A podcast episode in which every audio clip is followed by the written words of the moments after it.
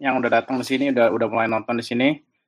Ini udah episode ketiga kita lakukan Founders Diary yang diadakan oleh Prasetya dan uh, siar.com.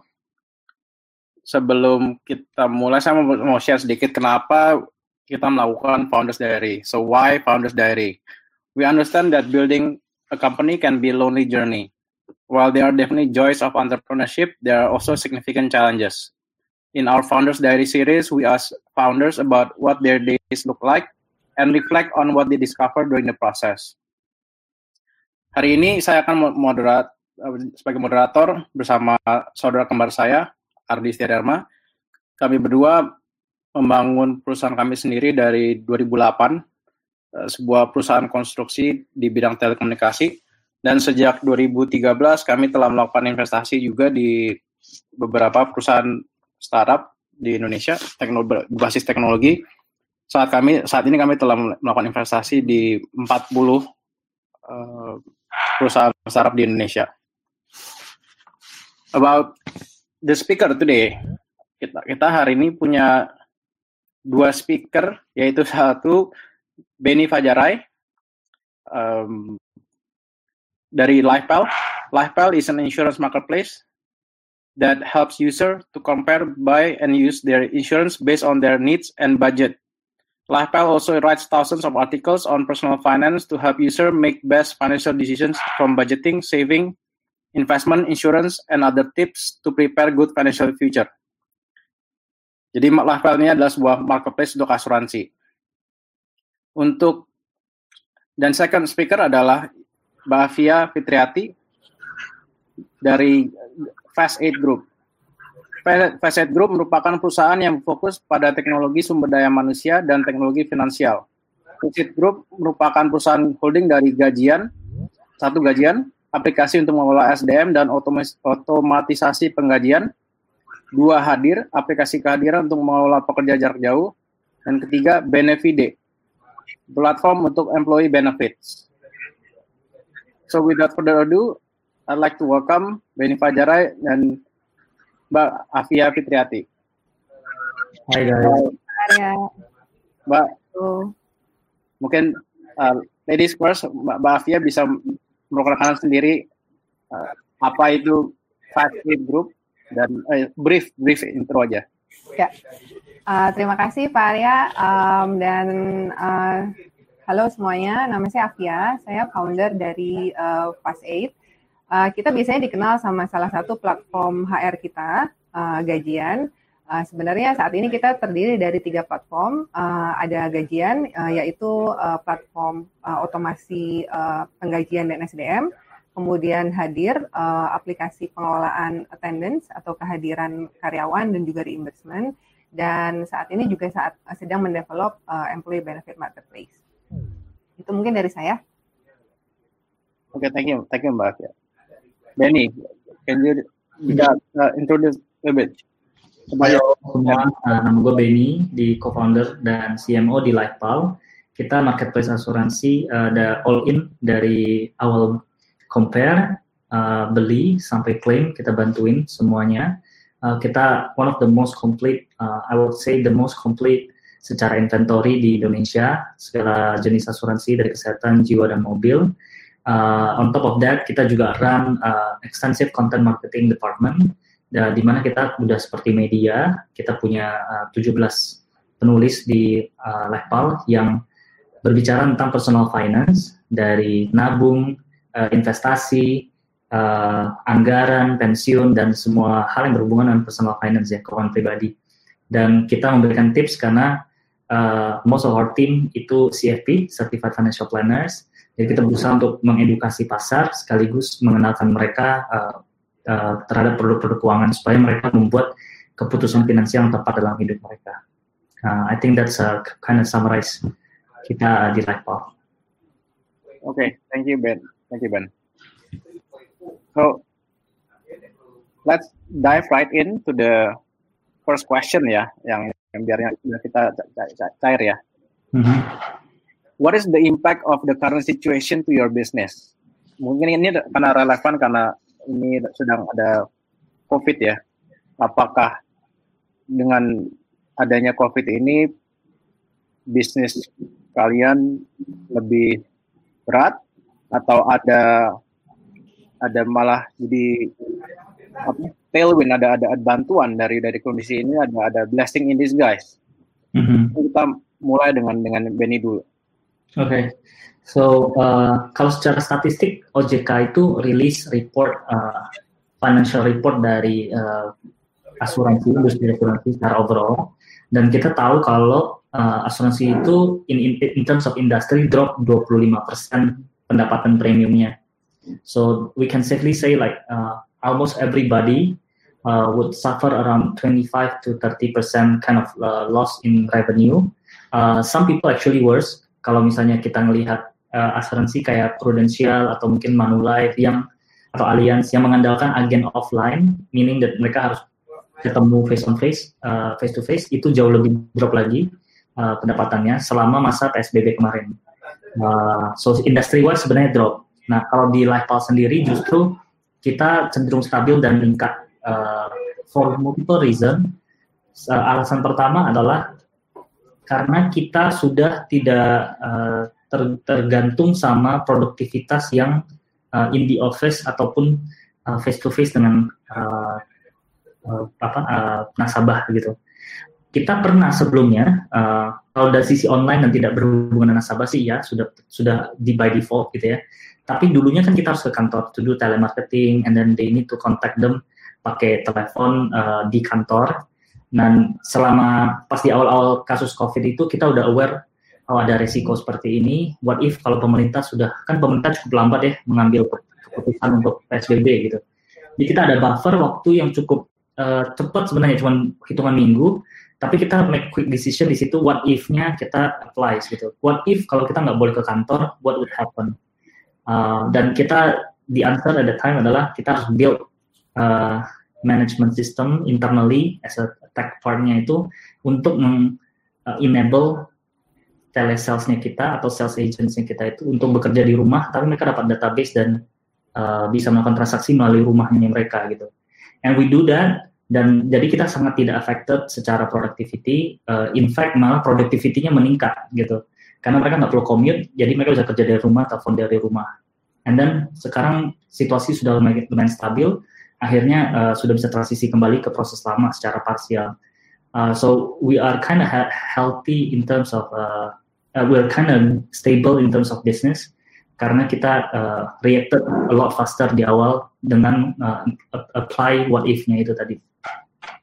Jadi kalau kalau lihat dari dari produknya kan itu kan sekarang juga ada produk untuk asuransi untuk covid juga mm-hmm. apakah itu mendapatkan apa feedback yang cukup baik, dari dari masyarakat ya yeah, it's interesting karena kita merasa kayak mungkin orang dengan adanya covid itu sebuah pengingat besar gitu ya kayak things can happen jadi asuransi harusnya naik secara drastis gitu uh, premisnya benar, jadi secara telepon itu meningkat. Jadi, eh, sorry, conversion rate meningkat karena it's getting easier for us to convince people that mereka butuh asuransi gitu.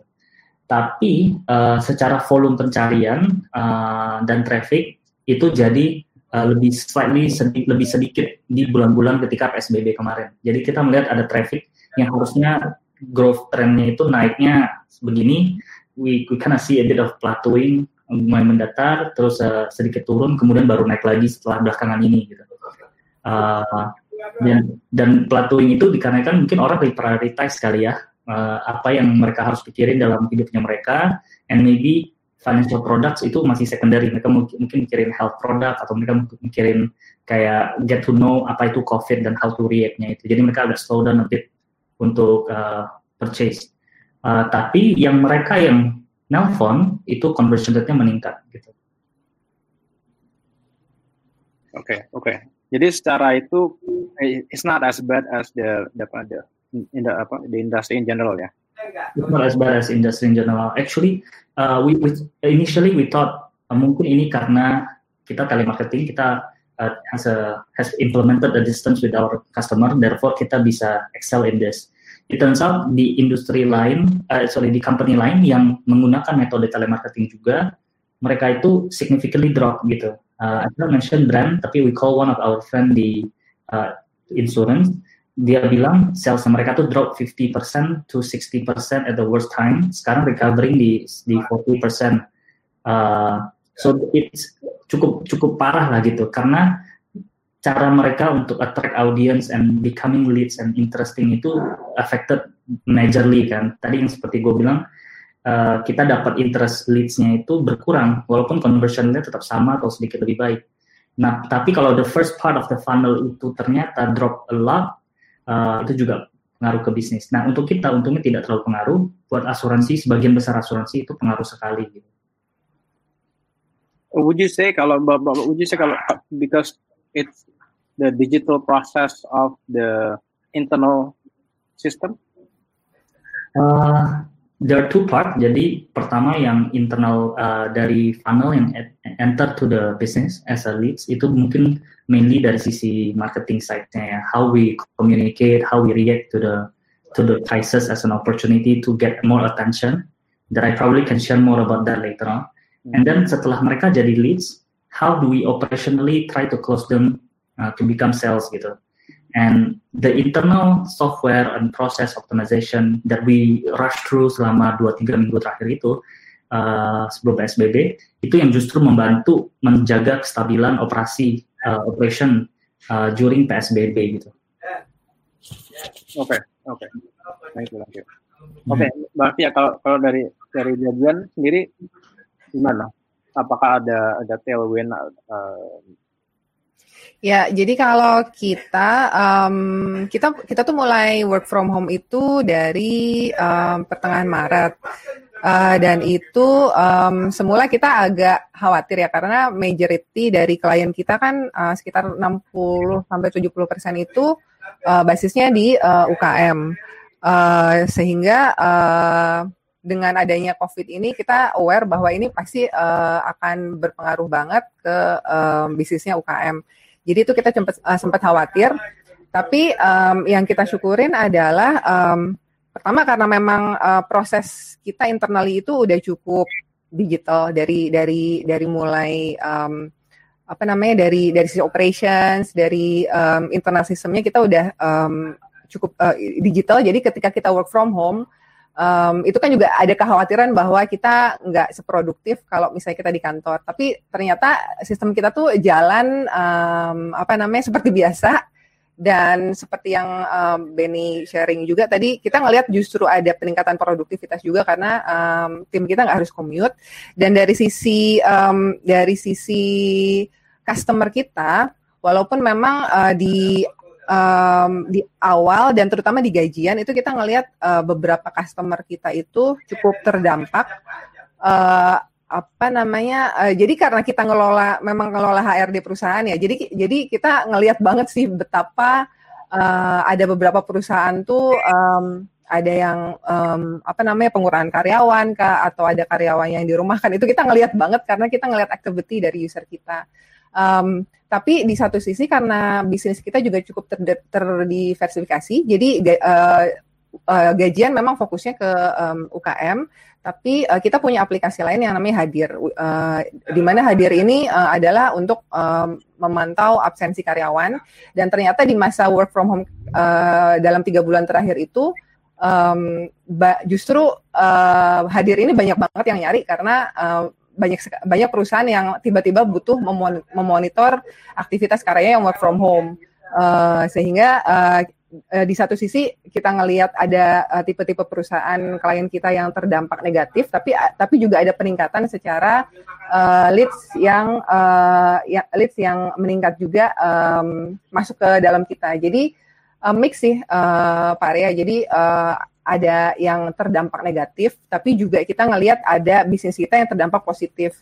Um, dalam tiga bulan terakhir malah kita ngelihat uh, uh, kita bisa masuk ke dalam segmen uh, yang sebelumnya kita nggak terbayang. Um, sebelum COVID itu kan kita cukup sulit untuk masuk ke segmen um, perusahaan yang tipenya tradisional, um, istilahnya mager gitu, malah segerak untuk mengadopsi solusi digital. Um, tapi yang seperti yang uh, uh, baru kemarin saya baca uh, McKinsey report yang uh, menyebutkan bahwa uh, masa COVID ini mempercepat digitalisasi sekitar lima tahun. Itu ternyata dalam tiga bulan terakhir itu memang kita ngelihat seperti itu. Jadi uh, dalam tiga bulan terakhir kita closing beberapa deals yang sebelumnya itu kita nggak nggak uh, kebayang untuk uh, kita bisa masuk ke tipe-tipe perusahaan seperti itu. Contohnya tipe perusahaan BUMN. Jadi di April itu kita closing Pertamina, di uh, Mei itu uh, kita closing juga di uh, perusahaan seperti BNN, uh, Pelindo. Di bulan ini kita closing rekayasa industri. Jadi ya itu uh, efeknya mix sih yang kita lihat secara keseluruhan. Ya saya jujur aja juga di Prasetya kan juga sebenarnya udah pakai juga ya. Uh, Hadir. Untuk ya. yang kebanyakan untuk apa karyawan saya di lapangan ya. Mm. Tapi begitu work from home, ya saya juga butuh juga untuk karyawan saya dan dan akhirnya maksudnya juga pakai untuk untuk karyawan kita juga. Mungkin Mbak Fia juga tahu ya. Iya. Ya jadi um, ya itu sih Pak. Jadi ngelihat bahwa adopsi hadir itu um, cepat dan bahkan tipikal perusahaan yang awalnya nggak pakai itu sekarang uh, nyari dan closingnya itu jadi cepet banget. Awalnya rata-rata uh, uh, kita tuh uh, tim sales itu dari lead ke closing deal itu 30 hari. Sekarang tuh dalam dua minggu, kadang-kadang dalam seminggu tuh bisa closing. Jadi um, sama seperti yang Benny tadi sharing, kita ngelihat uh, walaupun secara volume itu um, jumlah list yang masuk berkurang, tapi secara quality itu meningkat. Tapi dengan mereka memang kebutuhan sekarang adalah untuk work from home ya, untuk monitor yang yang yang bekerja di rumah. Ya. Jadi mereka pakai hadir itu. Tapi apakah itu juga terlihat bahwa ada potensi bahwa nanti ke depannya mereka juga akan menggunakan gajian juga? Ya, jadi um, di Mei, uh, pertama di April itu uh, waktu kita pertama work from home itu kita agak khawatir uh, churn rate kita naik tapi ternyata uh, justru uh, masa COVID ini menunjukkan bahwa tipe uh, tipe uh, aplikasi seperti gajian yang um, uh, apa namanya ngelola uh, critical business process yaitu penggajian dan pajak itu um, secara churn rate cukup stabil. Uh, jadi walaupun ada uh, beberapa perusahaan itu yang mengurangi karyawan sehingga ngurangin uh, nilai langganannya uh, ke, ke kami, jadi secara nilai um, apa namanya revenue yang kami dapatkan berkurang, tapi secara account churn itu cukup stabil. Um, karena mereka tetap butuh di April mereka harus tetap laporan pajak. Walaupun ada penundaan dari uh, Dirjen Pajak tapi mereka tetap harus lapor pajak. Jadi data yang uh, mereka simpan di kami itu uh, cukup uh, penting. Kemudian juga um, untuk ngedata uh, karyawannya yang unpaid leave uh, dan lain sebagainya itu mereka tetap butuh sehingga um, uh, apa namanya secara cernet uh, gajian itu cukup stabil. Dan da, ini di bulan Juni ini kita ngelihat juga um, juga banyak yang mencari karena ternyata sayangnya gitu sedihnya banyak perusahaan yang bahkan mengeliminasi departemen HR mereka. Jadi mereka butuh outsourcing atau butuh uh, si ownernya sendiri yang harus sehingga kita ngelihat adopsinya gajian itu juga meningkat. Uh, kalau untuk payroll ini kan um, sorry, sorry kalau untuk churn rate-nya itu itu mungkin kalau yang belum tahu churn rate, churn rate itu kan apa customer yang hilang ya. Iya. Jadi untuk yang apa ya pemirsa di sini yang belum tahu churn itu adalah customer yang hilang. Kalau dari gajian sendiri menghitung churnnya itu dari per customernya atau kalau misalnya satu user hilang langsung hilangnya hitung churn.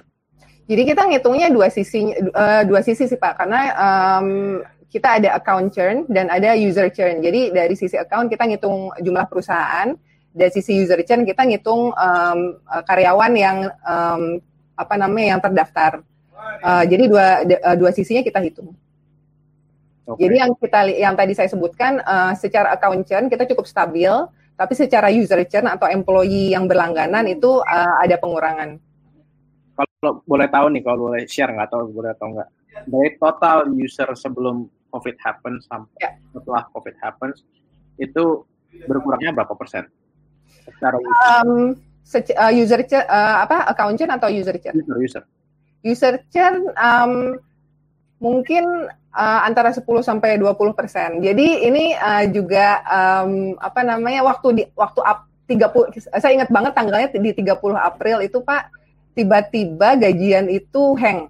Um, jadi si uh, serv, uh, apa uh, servernya gajian tuh down karena ternyata di tanggal tersebut itu uh, apa namanya banyak banget uh, perusahaan yang tiba-tiba bikin uh, PHK karyawan atau memutuskan bahwa mereka unpaid leave karyawannya. Jadi banyak banget yang ngeklik satu fitur untuk ngurangin karyawan.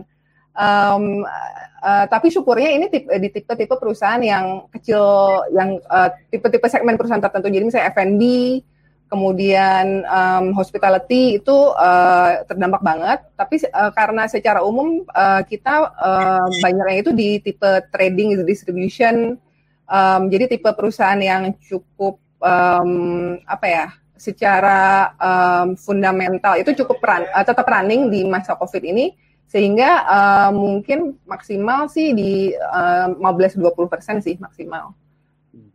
Kalau boleh tahu waktu waktu COVID happens ini, apakah ada ada kayak war room gitu di mana secara manajemen gajian pikir oke okay, ini uh, strateginya gimana, uh, marketing strategi apakah berubah juga, ada nggak ya? Um, jadi kita intens banget sih sama tim kita um, dalam masa COVID ini kita di awal-awal uh, di minggu-minggu pertama itu kita langsung setiap minggu kita nge-review uh, kondisinya seperti apa dan apa yang harus kita lakukan. Um, jadi um, ya jadi setiap minggu kita kita hampir setiap minggu tuh revisi sih planning planning minggu depan itu uh, apa. Um, tapi secara umum yang kita berusaha lakukan dalam mas, dalam uh, tiga bulan kemarin adalah um, kita bantu user kita untuk tetap um, apa namanya tetap op, op, uh, apa yang apa yang user kita butuhkan itu kita bantu sehingga mereka juga bisa support kami dalam masa ini. Mungkin saya boleh share slide sebentar, Pak? Eh, boleh, boleh, boleh.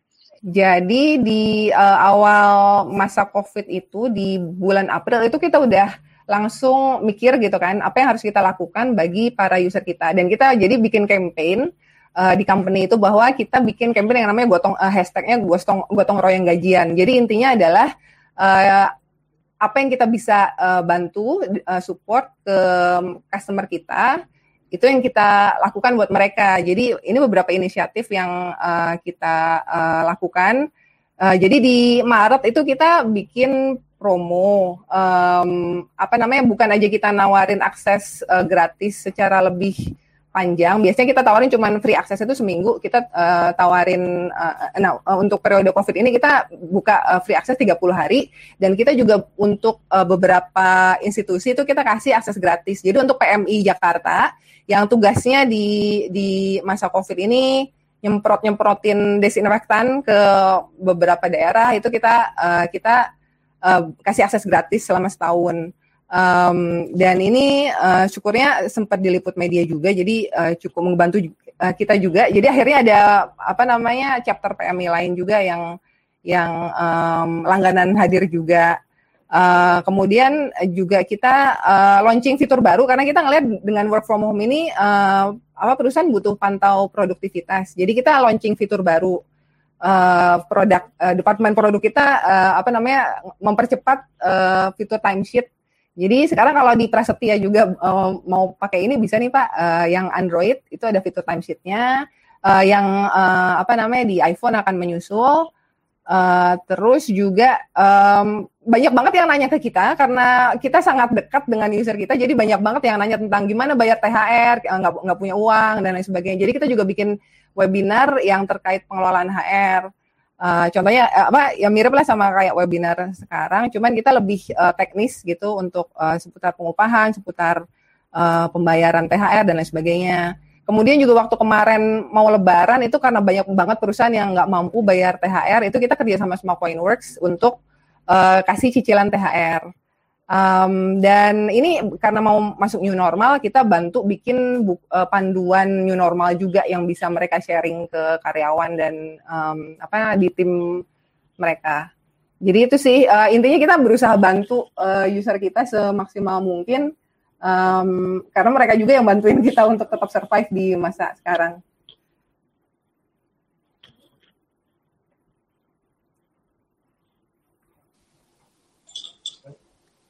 Sorry, sorry Mbak Fia, kayak tadi kalau laptopnya gerak-gerak jadi uh, apa namanya? Ada yang apa namanya komplain sedikit bahwa bikin pusing videonya. Oh, oke. Okay. Ini gerak-gerak. Mejanya atau apa yang mungkin kayak nggak stabil. Oh, oke okay, oke, okay. sorry sorry. Jadi kalau untuk summarize sedikit, kayaknya gajian ini dengan fokusnya adalah untuk customer, untuk helping customer, baru dari situ dibuat semacam marketing strateginya untuk untuk menuju ke situ ya. Betul. Um, intinya kita berusaha user focus, uh, client focus yang dibutuhin di masa COVID ini specifically apa, dan kita sesuaikan strategi marketing kita uh, terhadap kebutuhan user kita. Karena kebetulan um, di apa mereka juga sering tanya kan ke kita di uh, melalui customer service kita. Jadi kita tahu yang mereka butuhkan apa. Oke, okay, oke. Okay. Thank you, thank you. Ini karena kita udah ada beberapa pertanyaan dari pemirsa, mungkin kita langsung langsung ke pertanyaan pertama dari pemirsa saya dulu ya. Pertama pertanyaan dari guest, uh, Lifestyle ada COVID-19, bagaimana pertumbuhan finansialnya? Yes, uh, I think we got, we need a bit more specific dan maksudnya salesnya gitu. Sales kita masih growing ya, we, uh, month on month. Jadi uh, ya seperti yang dijelasin tadi, uh, kita justru malah tumbuh di masa COVID uh, instead of turun uh, karena kita seize the seize the opportunity di masa COVID itu untuk get more attention to us sih actually. Uh, mungkin sedikit elaborate aja karena tadi yang uh, panjang versi panjang udah ada di uh, di awal tadi aku jelasin karena kita uh, implementasi uh, sistem internal untuk adjust uh, remote working tapi juga bisa produktif secara sales. Uh, tapi dari sisi marketingnya uh, kita notice ketika COVID-19 uh, di awal masa PSBB, baik itu di baru pemberitaan, baru heboh banget di Maret, uh, pertengahan Maret sampai akhir Maret, uh, semua attention orang itu ke tiga hal. Satu, hard news, as in uh, berita secara mainstream news lah gitu ya. Kayak what's going on with COVID, apa langkah pemerintah, peraturan PSBB, dan segala macamnya. Yang kedua itu health, uh, segala sesuatu yang sifatnya tentang kesehatan, kebersihan, dan yang ketiga itu finance. Uh, artinya semuanya lagi heboh. Kalau yang main saham lagi heboh main saham, saham lagi drop banget, IHSG drop for 40%. Uh, yang bicara tentang uh, asuransi uh, semuanya heboh. Apakah asuransinya cover COVID? Uh, BPJS sedang dibahas apakah memang cover COVID dan semuanya yang berhubungan dengan personal finance yang mereka lah gitu. Jadi atau unit link uh, dan segala macam reksadana dan semuanya juga drop uh, berbarengan. Jadi attention itu semua ketiga hal ini. Uh, kita berusaha untuk memaksimalkan mumpung attentionnya itu di situ, kita go double down on uh, what people is interested to untuk diskusikan atau untuk membicarakan gitu. Jadi kita uh, shift content strategi kita untuk benar-benar double down di uh, saham investment uh, dan uh, personal finance. Jadi bagaimana bagaimana menghadapi resesi, bagaimana meng, uh, uh, mereaksi bereaksi terhadap uh, saham dan stock market ketika uh, resesi atau market crash seperti kemarin di uh, bulan Maret.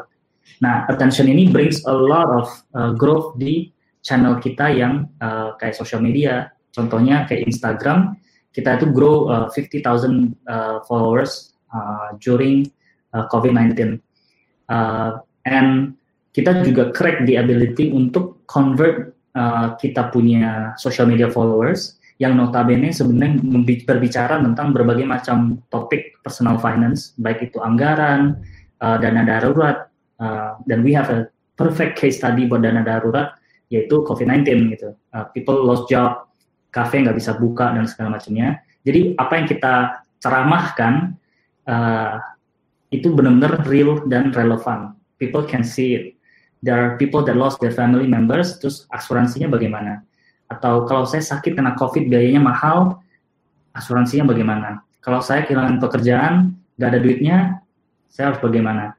And then gue punya duit, uh, what should I do? Where should I invest? IHSG lagi turun, which stock to buy, dan all these thing itu a perfect opportunity dan we we speak to the right people, we take the right certification, we uh, crunch the the best uh, content marketing structure dan itu malah jadi opportunity buat kita tuh get a lot of attention, therefore a lot of leads juga daftar ke bisnisnya kita. And that is the highlight of the of the business sih. Jadi itu yang stop uh, stop us from going down together with the industry in general. Justru kita malah going up. Dengan adanya COVID kemarin itu kan pasti banyak perubahan behavior ya dari dari para para calon customernya orang yang mau hmm, hmm. apakah dengan dengan digital ini jadi lebih bisa agile ya untuk merubah itu. Kalau tadi tangkap-tangkapnya kan Benny bilang bahwa jadi bahwa personal finance itu langsung double down. Apakah kar karena merupakan digital startup, jadi kalian bisa melakukan itu? Uh, I think sebagian besar brand itu uh, komunikasinya itu kan jualan, jualan, jualan gitu ya. Premisnya adalah saya men I offer you this and let me tell you uh, kenapa lu harus beli produk gue gitu. Dan komunikasi seperti itu sudah proven to be boring dan uh, it's not going anywhere. Ka mau itu digital company, mau itu conventional brick and mortar company, nobody uh, peduli lu jual apa gitu. Uh, jadi kita berusaha untuk oke, okay, especially asuransi itu very boring topic. Ya siapa yang bakal duduk tiga jam ngobrol asuransi uh, and diskusi panjang lebar gitu. We know that nobody gonna do that. Tapi ketika mereka sakit, mereka pasti butuh asuransi dan mereka bakal cari asuransi, baru heboh asuransi. Ketika sudah mau cari asuransi, tapi tahu-tahu udah umur 60 tahun, nobody wants to sell them insurance anymore. Jadi biasanya untuk mendapatkan uh, interest untuk membahas asuransi dan segala macam, kita harus bawa topiknya itu naik ke level tertentu gitu. Nah, di kasus kita itu adalah personal finance. Uh, sehingga asuransi ini bukan lagi menjadi highlight utama, tapi important part dari bigger highlight yaitu personal finance. How to have a stable uh, personal finance yang sehat untuk semua individu dan elemen besar di dalamnya adalah harus punya asuransi untuk menjaga stabilitas keuangan. Uh, I had this discussion as well dengan teman di uh, di ada startup, dia bergerak di bidang hukum uh, dia legal consultancy, selling legal services. Uh, same problem, jadi nggak ada lah yang mau duduk tiga jam bahas hukum gitu ya. Kayak kalau gue bikin kontrak, gue harus kalimat apa ya kan boring topik ya. Siapa sih yang mau bahas hukum gitu uh, tiga jam gitu. Jadi social media presence juga nggak akan kuat di hukum karena siapa juga yang mau ngeliatin fit hukum terus setiap hari. Tapi kalau kita dibungkus ke uh, sesuai dengan target marketnya. Jadi kalau target marketnya adalah HR dari company atau finance dari company atau management dari company, dan kita bisa bawa topiknya itu ke uh, universe atau conversation yang lebih holistik, di mana hukum adalah bagian dari salah satunya. Nah, in his in her case uh, adalah membawa itu ke uh, business management in general. Jadi ada tips untuk hiring, tips untuk uh, making deals, clients, etc., sales, baru di elemen yang membungkus atau merekatkan semua interest itu uh, elemen hukumnya gitu. Itu yang kita implementasiin juga di di life policy. Uh, jadi kita nggak melulu ngomongin asuransi, kita ngomongin personal finance ya. Hope okay. Oke oke. Okay, okay. Thank you thank you Ben. Hmm. Next Ardi will will moderate the the next part. So kan uh, yeah, and companies are slowly invite uh, employee uh, work from home. Are the interesting what are the interesting things that you see that, that are happening? Uh, apakah ada perubahan-perubahan atau ada uh, permintaan-permintaan dari customer? Uh, apa pun, apakah ada perubahan gitu? Um, iya, karena balik lagi ini periode yang anomali ya, uh, yang um, yang belum pernah kejadian sebelumnya uh, dan ibaratnya peraturan ketenaga kerjaan tuh jadi tahu-tahu banyak yang nggak relevan yang yang um, kurang relevan gitu di zaman ini. Jadi misalnya kita banyak uh, permintaan terkait uh, modul unpaid leave yang pengen diginin lah, pengen digituin lah. Padahal unpaid leave ini kalau di masa normal kan um, sangat jarang um, maksudnya karena karyawan kan biasanya udah punya jatah cuti sehingga kalau misalnya jatah cutinya baru habis baru unpaid, uh, baru pakai unpaid leave unpaid leave. Jadi unpaid leave ini kan dipakai di special situations. Tapi uh, di masa ini karena banyak banget karyawan yang terpaksa harus unpaid leave ini tiba-tiba banyak permintaan khusus modul ini. Atau uh, juga misalnya uh, biasanya jadi karena model kita adalah uh, langganan uh, jadi kalau misalnya user itu nggak uh, apa namanya lupa bayar atau uh, invoice yang nggak terbayar dalam periode kurun waktu tertentu itu kan accountnya kita suspend. Ini tahu-tahu minta minta accountnya di tetap nyala tiga bulan tapi free. Jadi uh, apa namanya hal-hal kayak gitu tiba-tiba kita hadapi di masa kayak gini Dan tadi itu uh, tahu-tahu di tanggal 30 April tuh kita sampai server kita tuh down karena uh, ada satu fitur tuh yang tahu-tahu banyak banget yang pakai, which is itu fitur unpaid leave dan fitur resignkan karyawan. Uh, jadi itu cukup unik sih yang kita uh, lihat di masa ini. Ya, tapi mungkin kan uh, beberapa perusahaan kayak ada yang menjalankan uh, grup A, grup B, terus minggu ini di rumah, uh, yang yang grup B-nya di office ya kayak gitu apakah akan ada modifikasi-modifikasi yang dijalankan oleh uh, Mbak Afia secara grup ya uh, dari dari produk-produk yang ada uh, apakah malah sudah ber, sudah di planning malah sebenarnya sebenarnya itu udah malah udah ada sih uh, fitur um, pola kerja itu udah ada di produk-produk kita baik itu di gajian maupun di, uh, di hadir. Jadi makanya kenapa kita ngelihat tahu-tahu banyak um, leads yang sebelumnya nggak masuk di kita, tapi tahu-tahu jadi ada banyak permintaan yang um, misalnya dari segmen tertentu yang biasanya nggak masuk. Tahu-tahu ada leads uh, tipe-tipe leads yang nggak biasa karena um, kebutuhannya jadi ada varian kebutuhan yang um, seperti tadi itu uh, yang uh, tadi sebutkan. Jadi butuh untuk shifting karyawan uh, dan itu kita kebetulan ada ada modulnya sehingga mereka perusahaan-perusahaan ini butuh untuk mengelola karyawan dengan uh, dengan uh, jadwal kerja yang bergiliran tadi dan mereka butuh sistem digital untuk mengelola itu sehingga uh, tahu-tahu mengelola kita. Dan uh, Fast Eight secara grup akan melayani semua permintaan eh, permintaan customer atau ada certain limit nih? Karena kan pasti berbeda-beda nih. Uh, kebetulan kalau kita desain desain satu modul itu biasanya kita udah uh, berusaha kita udah berusaha capture biasanya kebutuhan yang umum seperti apa. Jadi dengan um, modul-modul yang ada sekarang pun uh, sudah terlayani sih kebutuhan kebutuhan uh, sekitar 90% dari kebutuhan yang ada itu bisa bisa terlayani sama kita. Oke. Okay.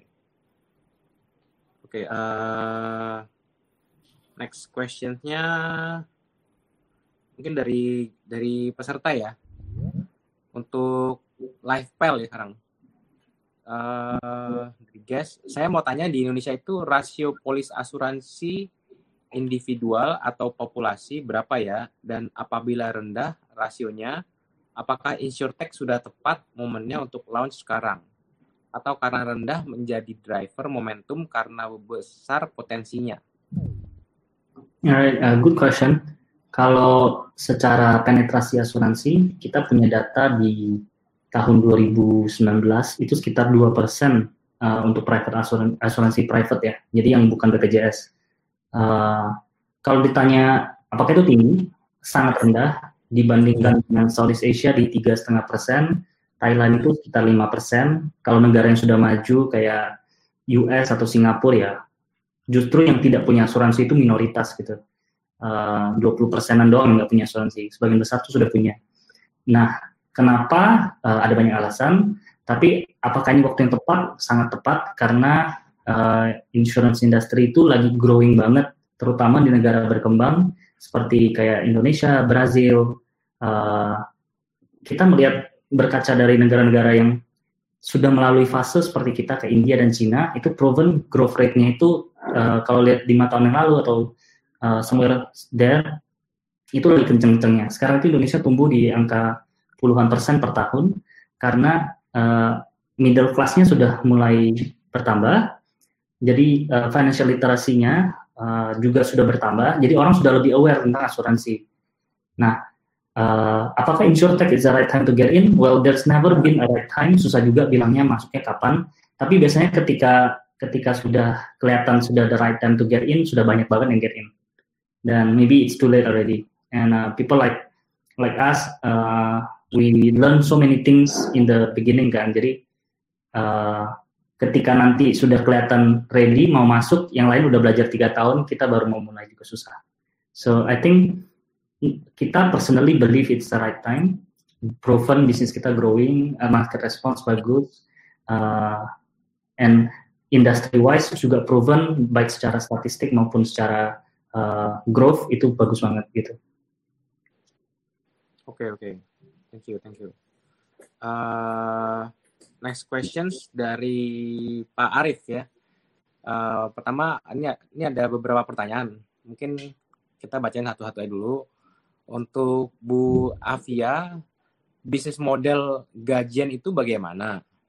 Dan untuk Pak Benny, apakah insurtech akan cannibalize uh, conventional insurance agent? Uh, mungkin bisa dimulai oleh Benny dulu deh. Oke, okay. wah ini panas nih pertanyaannya. uh, it's not our intention, but I think naturally kita akan membuat hidup para agent asuransi itu sangat susah sih. Alasannya begini, kenapa orang asuransi Indonesia itu uh, nggak suka dengan asuransi? Karena jalur distribusi produk asuransi di Indonesia sangat dominan menggunakan agen asuransi. Nah, agen asuransi itu mereka itu objektif mereka adalah sales, make money, ya kan? Dan mereka bekerja pada satu perusahaan asuransi. Jadi secara natural ketika kita nanya asuransi yang bagus itu apa, mereka bilang asuransi mereka dan selalu asuransi mereka.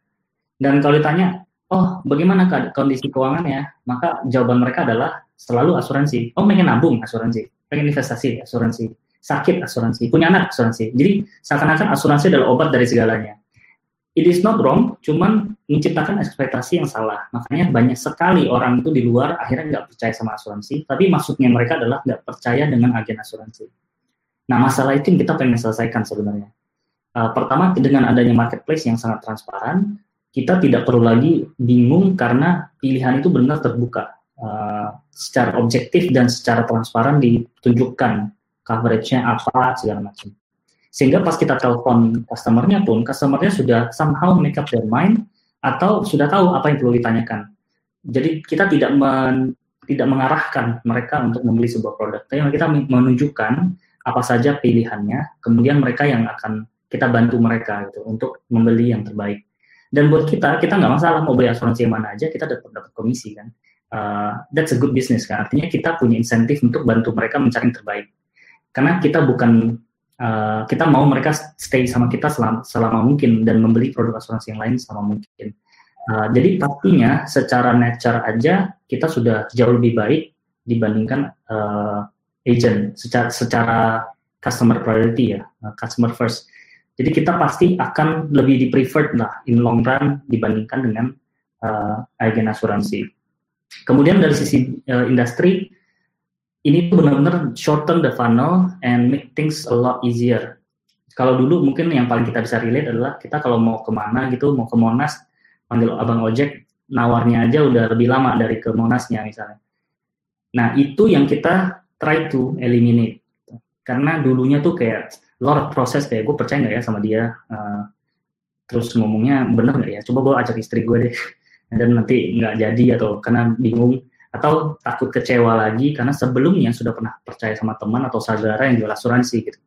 Nah itu juga kita try to shorten down and we proven that uh, the process is a lot faster, lebih jauh lebih simple dan lebih uh, transparan. Karena kita uh, kita nggak nggak nggak insentif dan tidak punya ability untuk tell atau misleading karena semuanya tampil di di website dan kita juga uh, popular enough to be monitored by OJK kan. Jadi informasinya valid, semuanya jelas, bukan yang under the radar offline dia nggak tahu ngomong apa, gimana mempertanggungjawabkan. So short, yes, uh, I think in the short medium uh, term kita bakal starting to eat uh, the pie out from the agents. Okay, thank you for your answer. Uh, dari Bu Afia bagaimana? Bisnis model gajian itu bagaimana? Kita bisnis modelnya um, saat ini subscription. Jadi um, apa namanya uh, kalau pakai gajian atau mau pakai hadir itu uh, perusahaan bayar uh, per karyawan per bulan. Uh, kita cukup sangat affordable. Uh, kalau hadir itu 12.500 per karyawan per bulan, kalau uh, gajian itu 20.000 per karyawan per bulan. Jadi misalnya uh, perusahaan Bapak punya 20 10 karyawan katakanlah uh, itu cuman uh, untuk langganan gajian 200 ribu per bulan uh, dan itu udah sampai uh, bisa hitung PP21 sehingga bisa menghemat um, apa namanya uh, biaya konsultan misalnya atau biaya um, apa namanya uh, uh, menggaji admin HR. Jadi itu jawabannya sih. Jadi uh, software as a service ya.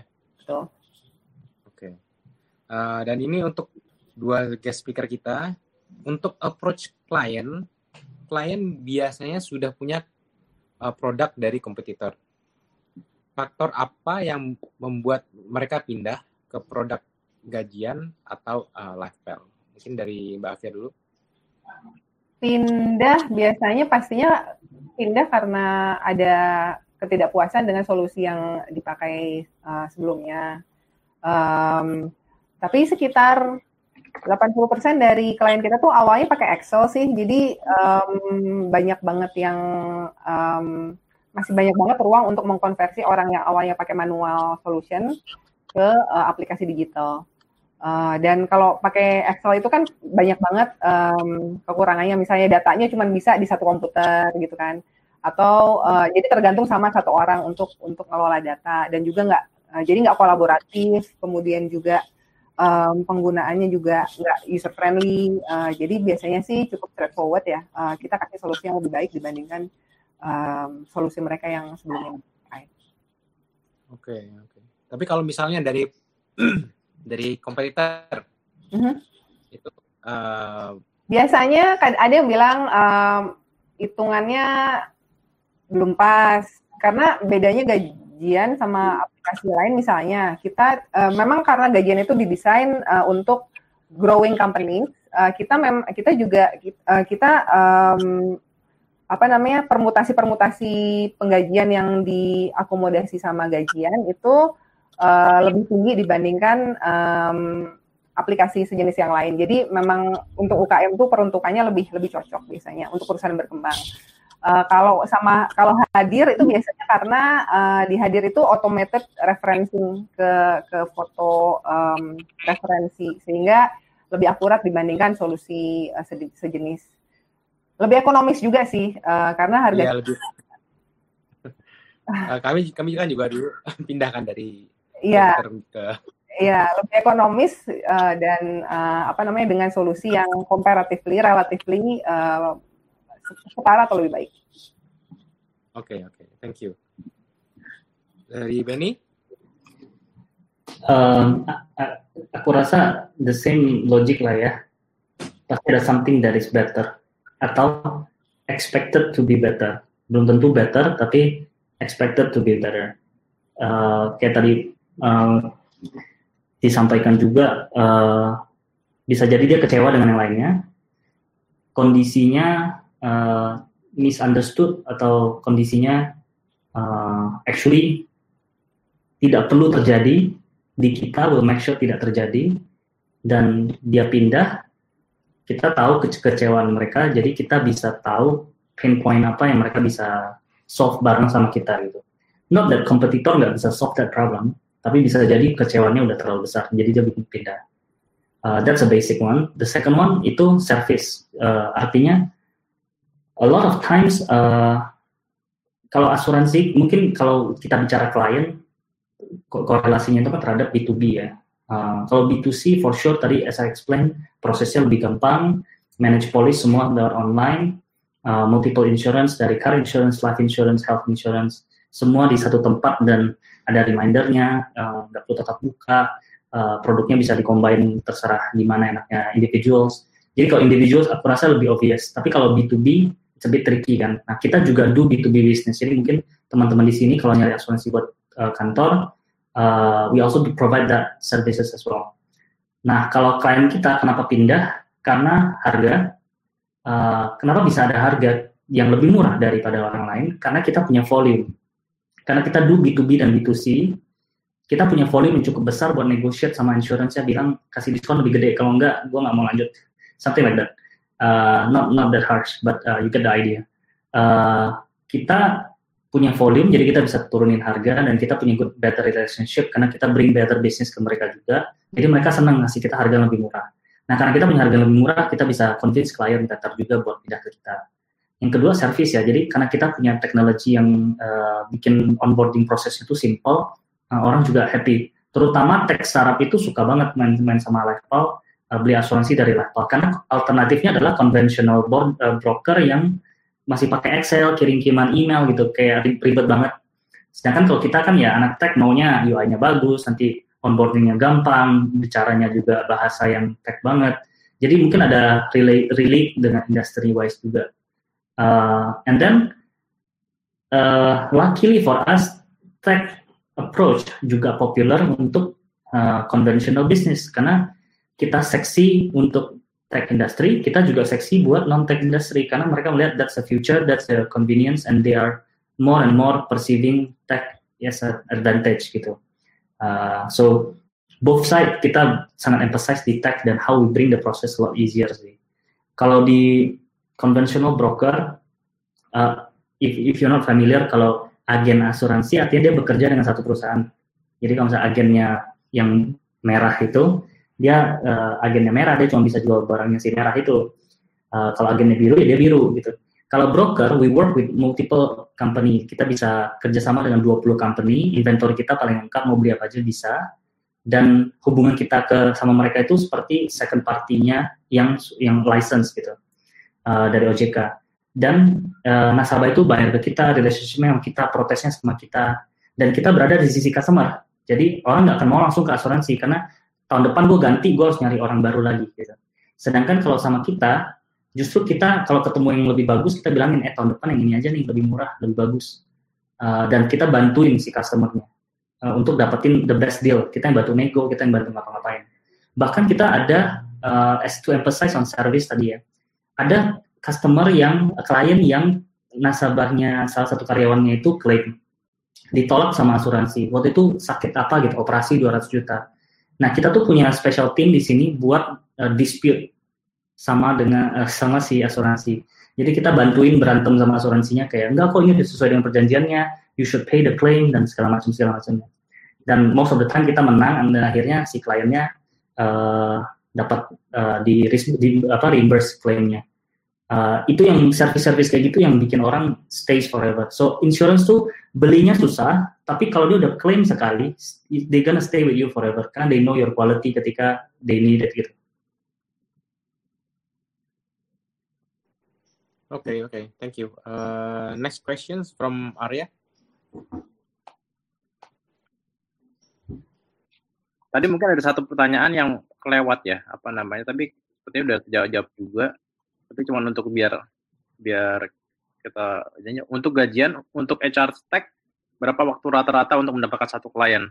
Tadi kalau nggak salah Mbak Afia bilang biasanya satu bulan tapi bisa sekarang bisa satu sampai dua minggu benar nggak ya Mbak? Iya benar sekarang lebih cepat sih uh, di masa COVID ini.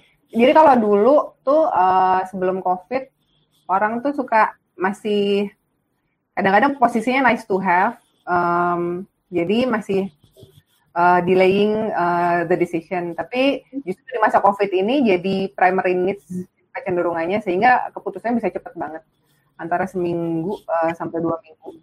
Jadi hari ini masuk leads, tahu-tahu uh, dalam minggu yang sama bisa closing. Oke, okay, oke. Okay. Ini untuk next questionnya untuk Benny ya. Berarti pertanyaan yang kita yang yang kita udah siapin ini udah mungkin udah lumayan terjawab dari dari tadi jawaban yang kita sudah gali juga. Mm-hmm. Tapi mungkin ini lebih ke arah your journey as a founder ya. I know mm-hmm. that for a fact that you were a founder waktu dulu di kelapa.com. Mm-hmm. Mm-hmm. Terus but kelapa kan did not survive, but you started Lifewell juga sekarang. Yep. Kira apa key takeaways-nya dulu dari dari dari starting startup waktu zaman waktu mulai tahun berapa ya kelapa ya 2000 2014 uh, akhir 2015 iya ya mm-hmm. why it fails and and mungkin gimana, gimana perasaan waktu gagal terus mulai lagi gitu yeah. very good question very deep one so Uh, let me start with before that. Uh, I actually founded Kreavi, so I exited. Yeah, Kreavi, yeah. Uh, I exited Kreavi to my partner karena I felt like jadi it, the the the funny part is that I gue tuh selalu uh, idealis. When we start a business I, I want to make impact. Impact that I care about dan uh, I'm passionate doing it gitu. Uh, di Kreavi itu social network for designer karena aku gatal sama kreatif industri di Indonesia tuh nggak punya panggung buat connect dan to be to be reach out by external people. Jadi from business segala macam kayak susah buat cari top talents di Indonesia. And then I made Creavi, it become profitable and I exited karena it was too B2B gitu. It's funny for me karena uh, I don't too much uh, enjoying B2B karena you know not my forte kali ya kayak uh, citi cari uh, client relationship jadi more of a retail consumer guy lah gitu. Nah, when I start Kelapa, itu to follow on the retail and consumer facing business, tapi tetap idealis. Jadi the next level of the creative industry selain designer dan illustrator apa sih? Was the bigger one. Of course, one of the top contributor to the economy, UKM, especially kerajinan tangan. Gitu. That was the mission. Uh, the problem with Kelapa is that uh, data dari pemerintah itu, as we all know, it's very unreliable kan. Kita nggak tahu seberapa sih adopsi uh, seberapa sih consumption rate secara retail atau bisnis ke kerajinan tangan. Kalaupun ada data dari BPS atau data dari pemerintah, dari Kementerian ke Perindustrian dan segala macamnya, kita nggak tahu apakah data itu adalah bagian dari konsumsi yang di rebrand terhadap uh, brand luar atau kayak gimana. Jadi angkanya mungkin besar, tapi we don't know how it moves in the market. Mau itu distribusi yang lewat mall kah, pasar kerajinan kan dan sebagainya. Uh, but it's an interesting problem. Jadi uh, I started uh, with my co-founder dan kita jalanin karena the only way to know adalah kita jalanin. Uh, and I think at that time kita become very clear kalau market Indonesia itu nggak siap untuk produk-produk uh, yang sifatnya itu emosional. Uh, karena orang Indonesia, pasar Indonesia, negara berkembang itu sangat rasional kalau belanja. Jadi kalau kita bilang oh handmade buatan uh, lokal, kerajinan tangan. Mereka tuh bisa emotionally connected, tapi they don't purchase it. Oh, they love it, they love it so much. Instagram follower banyak banget. Uh, we won award, we got awards dari Google uh, Play as the hidden gem, best UI UX. Kemudian kita dapat award dari Forbes, most promising startups, bla bla bla. Tapi conversionnya itu kecil karena people love the idea, they can resonate dan segala macam. Tapi ketika mereka belanja di Indonesia itu sangat rasional. So they do love it, they follow us, they subscribe, they click on click bla tapi conversion rate kecil. Nah selain itu juga retention rate-nya kecil karena produk kerajinan tangan itu not something that you buy three times a year, most likely once every three years. Nah secara unit economics itu bikin marketplace itu kan kita cuma lihat LTV versus CAC ya. Customer acquisition cost should be a lot smaller than lifetime value-nya. Karena lifetime value-nya sudah kecil, karena conversion rate kecil dan dia punya retention rate kecil, kita harus menekan CAC-nya itu jadi jauh lebih kecil lagi. That's why we have a very slow, uh, small uh, window to operate supaya kita punya acquisition cost-nya gede. And uh, that's the reason why we, we thought, oh, I don't think it's gonna be big uh, within five to ten years um, from then, karena uh, marketnya belum ready for this gitu. Nah, model-model kayak gini udah ada di Taiwan, di India, dan di beberapa negara berkembang juga. Itu nggak works, doesn't work gitu. Justru yang works itu kalau di negara maju yang sudah masuk ke level purchasingnya itu emotional and consumptive gitu. Kayak di US, di uh, Eropa, di, di uh, eh, UK atau di Paris gitu, Prancis. Uh, jadi it becomes a common theme uh, and our investor juga invested in multiple markets dan mereka lihat kayak oh it's it's gonna be tough So despite having money in the bank, uh, we decided to shut it down voluntarily and return the money to investors. Karena you gotta know when to stop juga gitu. Lu nggak tabrak saja terus uh, knowing that oh, you have collected, you have done your best, uh, conversion rate is higher than your competitors of the likes.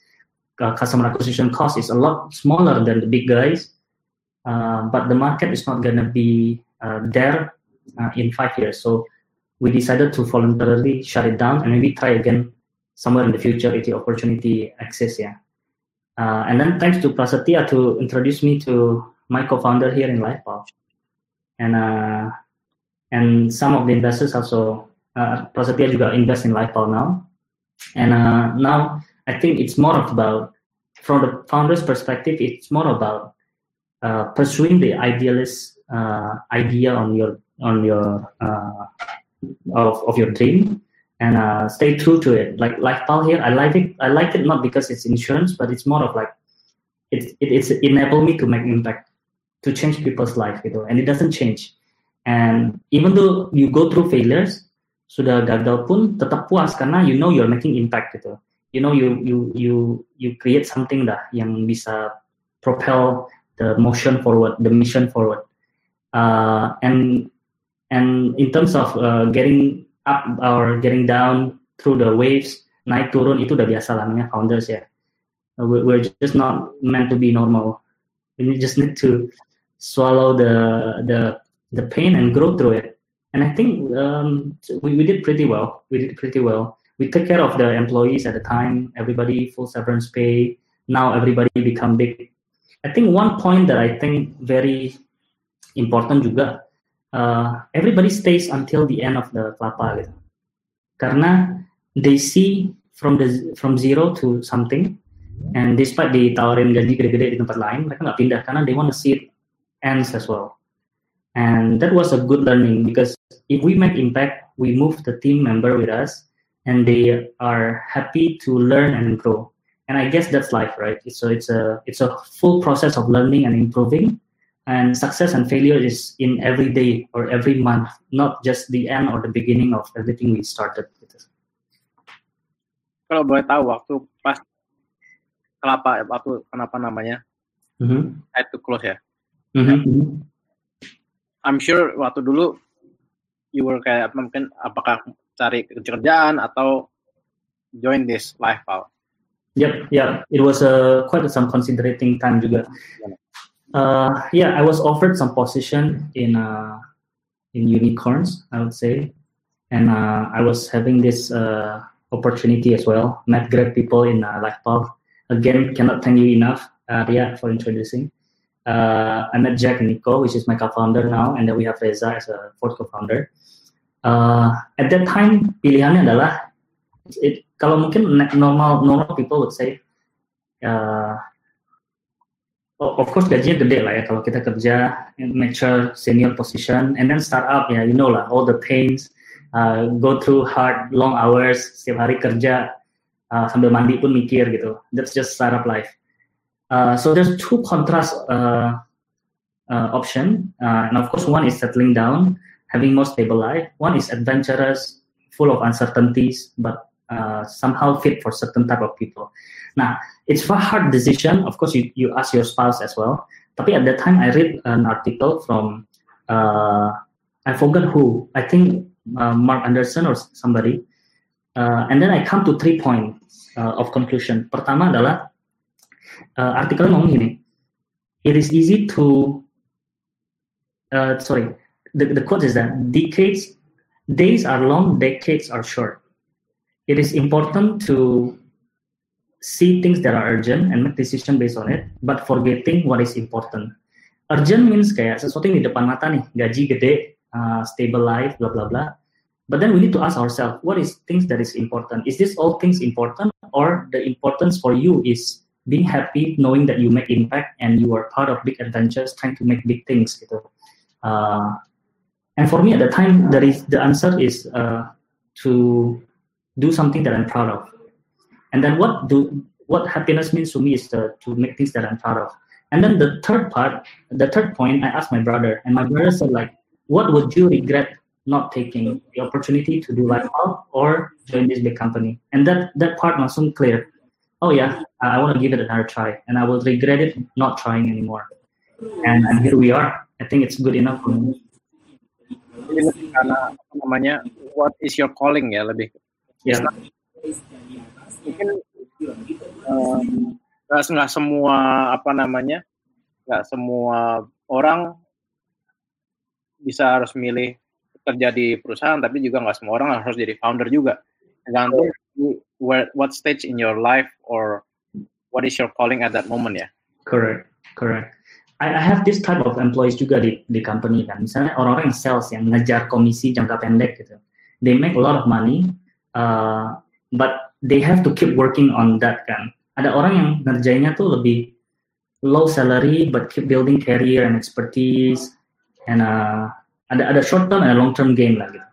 Uh, and itu nggak ada yang salah gitu it's just a different path of, of ways. And I, guess the lifestyle that I choose to be in is uh, being in this crazy ride of startup life, and it's, it's fun so far. okay oke.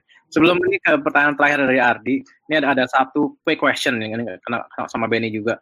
Kenapa kalau punya market di luar negeri, kenapa nggak jadi etalasenya UKM handmade Indonesia di luar negeri ya?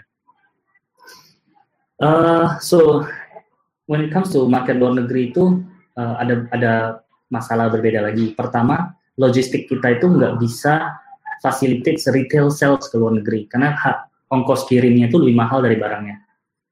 Nah, kalau mau B2B, Indonesia itu tidak pernah dipersif dari market luar sebagai uh, brand owner atau uh, creative design owner. Kita tuh dilihat sebagai pabrik.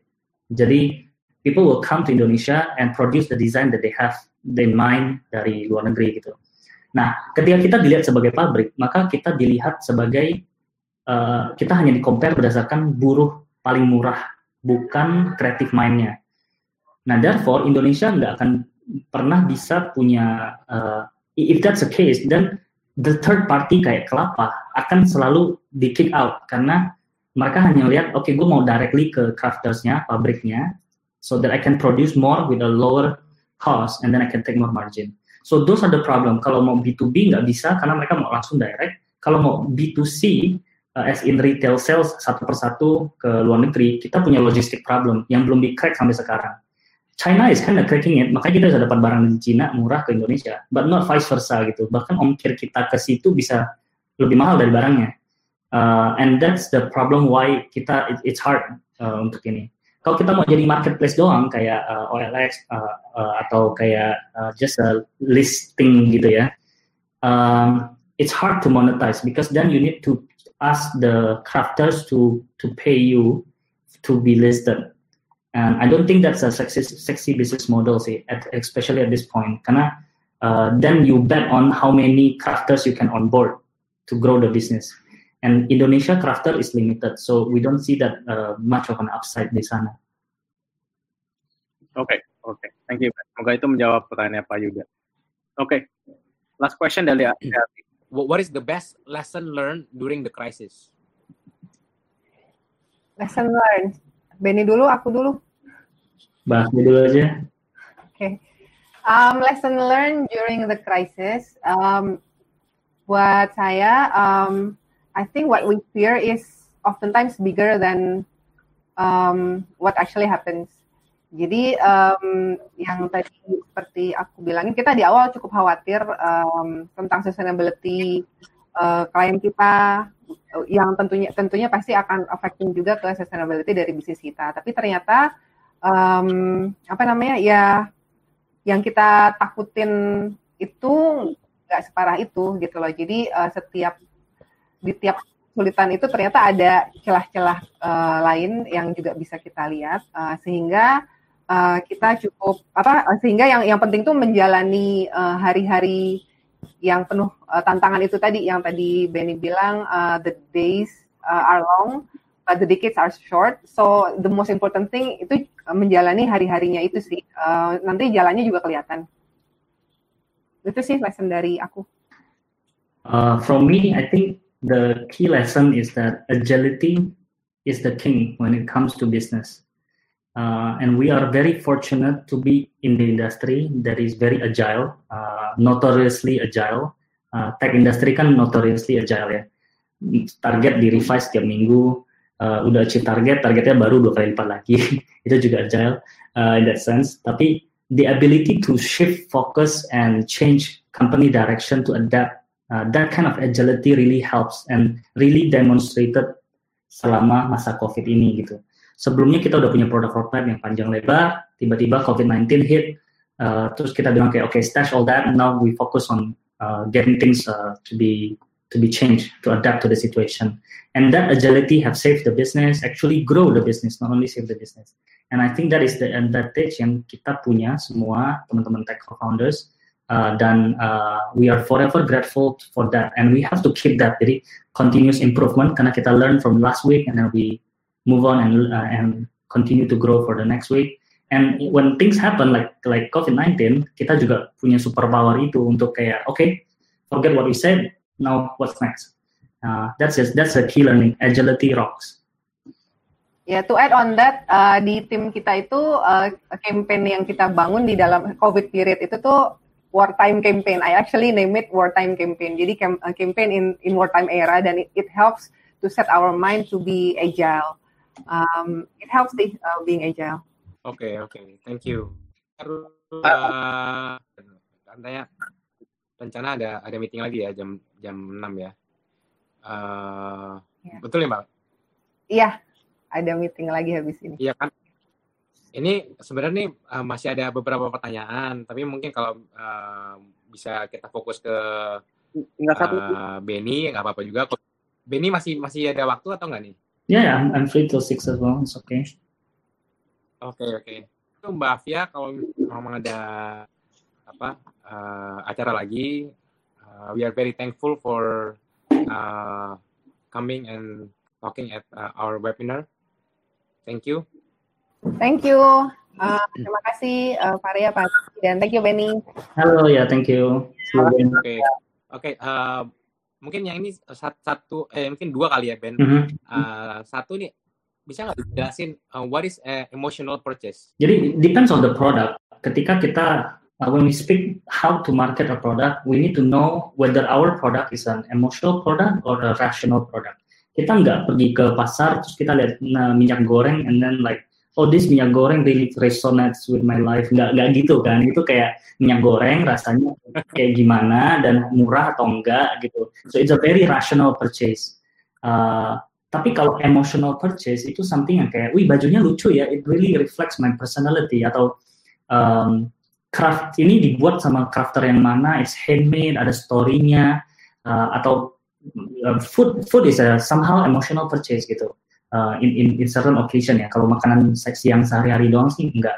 Praktikal aja. Tapi kalau misalnya kita ke restoran terus dibuat interiornya begitu indah chefnya cook in front of us itu emotional purchase kan we pay a lot more expensive because we like it we makes us happy ada resonation atau ada ada relevansi antara us as the target audience and the brand of the product Uh, so craft craft is very emotional product product gitu, nggak nggak rasional gitu.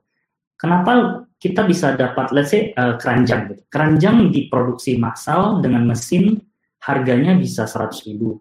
Diproduksi sama orang tidak konsisten, ya uh, handmade tidak konsisten, lama bikinnya, harganya 500 ribu.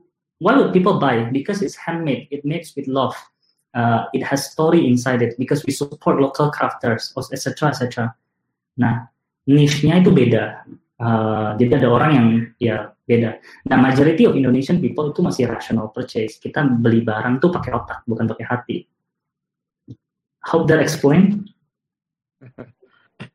Oke. okay. Uh, ini, mungkin masih ada dua mungkin yang related.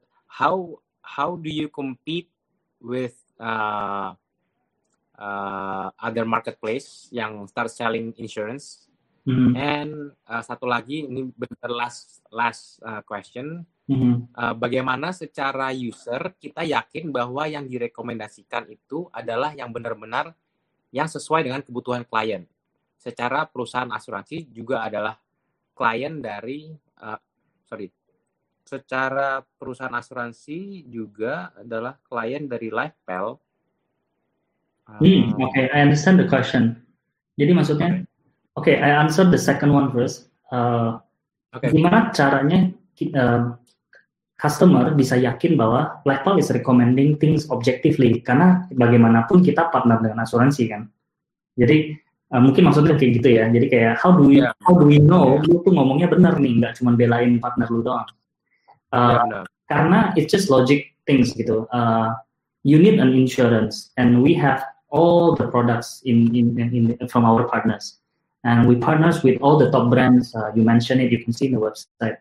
Jadi, if we have all the products and we get the commission from all of them, it's just natural that kita mengasih yang bikin customer kita happy, bukan bikin asuransinya happy.